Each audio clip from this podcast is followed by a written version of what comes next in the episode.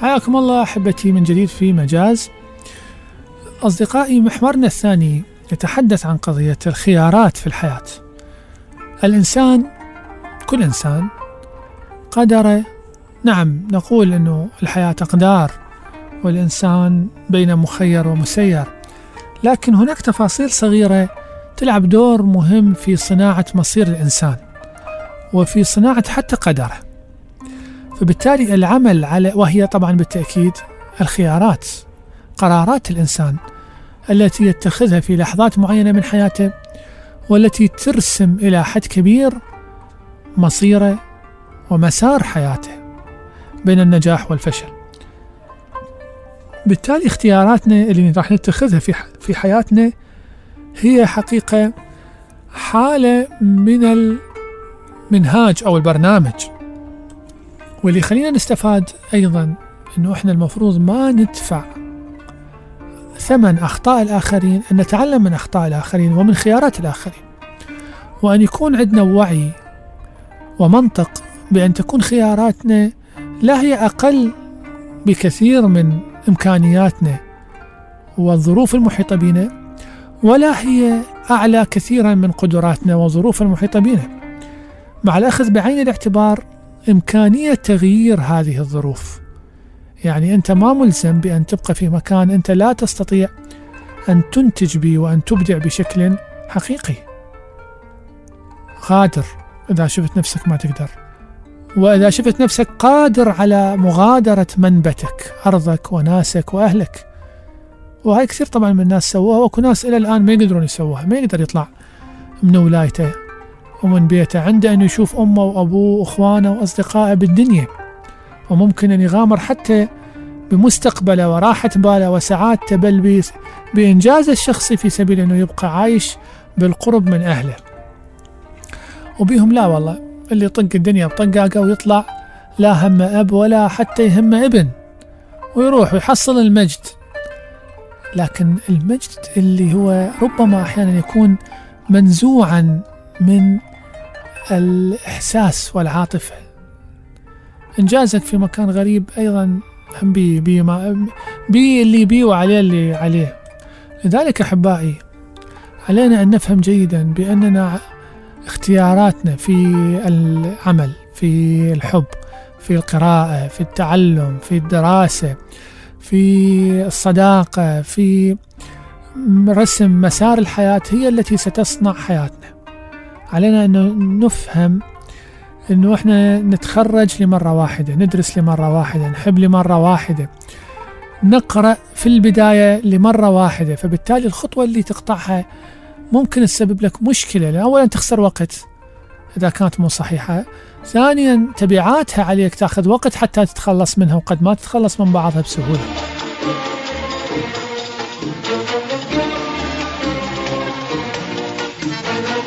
منك سبب كل هاليوم.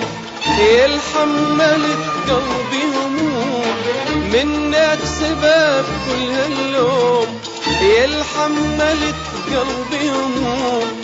شقد بالسما تشوف نجوم. شقد بالسما تشوف نجوم. ما ونني بقد وني ويلي ما ونني بقد وني. منك بدت مو مني معذور أنا وتعذرني. منك بدت مو مني معذور أنا وتعذرني. انت زرعت دربي ورود انت زرعت دربي ورود. وانت قطعت هنا عني ويلي انت قطعت هنا عني نعم أصدقائي ففي موضوع الخيارات شفت مادة جميلة جدا كاتبها دكتور علاء جواد كاظم وهو باحث عراقي معاصر في الأنثروبولوجيا الثقافية ويحاضر في جامعة بغداد. كتب أشبه بالوصايا الحياتية أو دروس من ال من ال من تجربته. وكانت حقيقة دروس لطيفة خفيفة مباشرة لكنها مؤثرة. تتكلم عن ظروف الإنسان بأنه يولد لمرة واحدة يمر بالتجارب لمرة واحدة فبالتالي في مجتمعات صعبة تعاني مثل مجتمعاتنا الفرصة تأتي ربما لمرة واحدة في كل شيء في الحياة في المشوار المهني مشوار العمل في مشوار الحياة في التعامل مع الآخر. في حتى في العلاقات الشخصية. مسائل مثل الاحترام مثل البقاء مثل الرحيل مثل الإخلاص للشخص مثل تفضيل مصلحتك على مصلحة الآخر أو مصلحة الآخر على مصلحتك.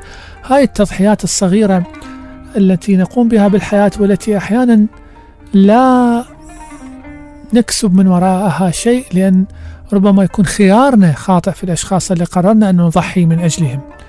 أكيد يعني حضراتكم مارين وسامعين بمثل هكذا تجارب. أتذكر في يوم من الأيام كنت في بداية حياتي الزوجية وكانت هناك عقد عمل في دولة عربية. وكان المبلغ جيد وكذا وهذه لكن أنا بعد تفكير قر يعني قررت أنه أرفض العقد. لأن أنا من النوع اللي ناس لا يعني يسمح لي الفرصة أنه أضرب مثل بي يعني مع الاعتذار. من الناس اللي متعلق ببيئتي وبناسي يعني شلون أقول لك ما ما أحب أطلع كثير أو أغادر لفترة بحيث أنقطع عن عن التكوين المكان التكوين اللي احتواني وجدانيا فشافني أحد أصدقاء والدي رجل حكيم أحبه جدا وهو صديقي صار لاحقا. قال لي ها شنو قررت على مود الفرصة الفلانية؟ قلت له والله ما أطلع. قال لي ليش؟ قلت له ما أقدر يعني. شفت نفسي ما أقدر. أريد أبقى بالقرب من الناس اللي أحبهم. حتى لو كان قراري هذا خاطئ. فقال لك عبارة كلش لطيفة. قال لي إن شاء الله اللي بقيت من أجلهم يقدرون تضحيتك. كلمة جميلة جدا. كلمة بقت راسخة ببالي بالفعل. يعني وقدرت من خلالها أفهم كثير من تصرفات آبائنا وأجدادنا وناس اللي ساهموا بتربيات تربية عوائل محيطة بنا أعمامنا وأخوالنا كيف هم يضحون بفرص تجيهم من أجل أن يبقون إلى جانب عوائلهم يربوهم ويرعوهم ويسندوهم على ما يكبرون. هاي تضحية بالفعل. وعلينا أن نكون ممتنين لتضحيات الآخرين. هاي واحدة من الخيارات اللي اللي خطرت على بالي واللي أترك المستمع الكريم لهذه المقالة اللي تتحدث فيها دكتور علاء جواد عن خيارات الإنسان وسلوكياته وأثرها في مصيره وقدره. نسمع وراجعين الدكتور علاء جواد كاظم باحث عراقي معاصر في الأنثروبولوجيا الثقافية. ومحاضر في جامعة بغداد قام بنشر وصايا حياتية أو دروس من الحياة افتتحها بالمقولة التالية: رسالة لك أنت.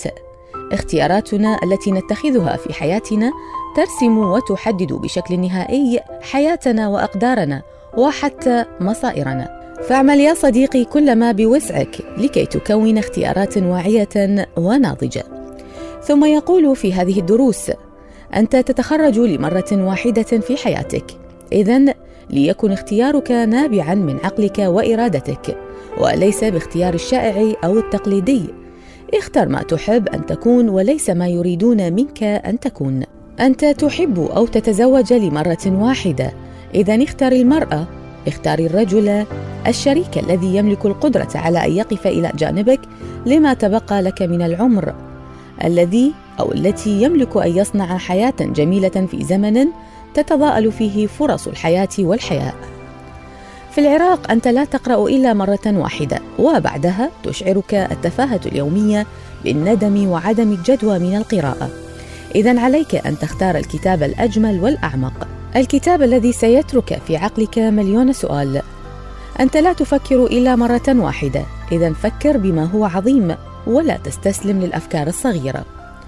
أنت لا تمارس إرادتك إلا في ظروف استثنائية وربما لمرة واحدة. اذا دع إرادتك تحطم كل القيود. أنت لا تولد إلا مرة واحدة. اذا فاصنع من نفسك نسخة حقيقية لإنسانية لا تتكرر ولا تستنسخ ولا بديل لها.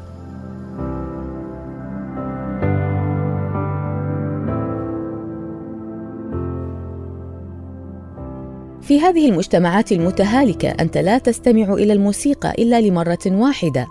غالبا ما تكون محكوما بالصدفة. إذا فاستمع إلى موسيقى شوبين العظيمة وكأنك تستمع للغة الآلهة الإغريقية الجميلة. أنت لا تبكي في هذه المجتمعات الذكورية البذيئة إلا مرة واحدة. ابكي بكل ما تملك إنسانيتك من حقيقة وحميمية. أنت لا تحلم في هذا البلد إلا لمرة واحدة. إذا تمسك بحلمك ولا تفلته أنت لا ترحل إلا مرة واحدة. إذا إياك وأن تعود. إياك أن تعود ما دمت قد اخترت الرحيل. أنت لا تموت إلا لمرة واحدة. إذا لا تستسلم للموت. إياك أن تستسلم له. قاتله بالحياة. اهزمه. اقهر الموت مثل ما فعل جلجامش عندما قهر الموت. وبقي كل هذه الآلاف من السنين. نسينا الموت وتذكرنا العظيم جلجامش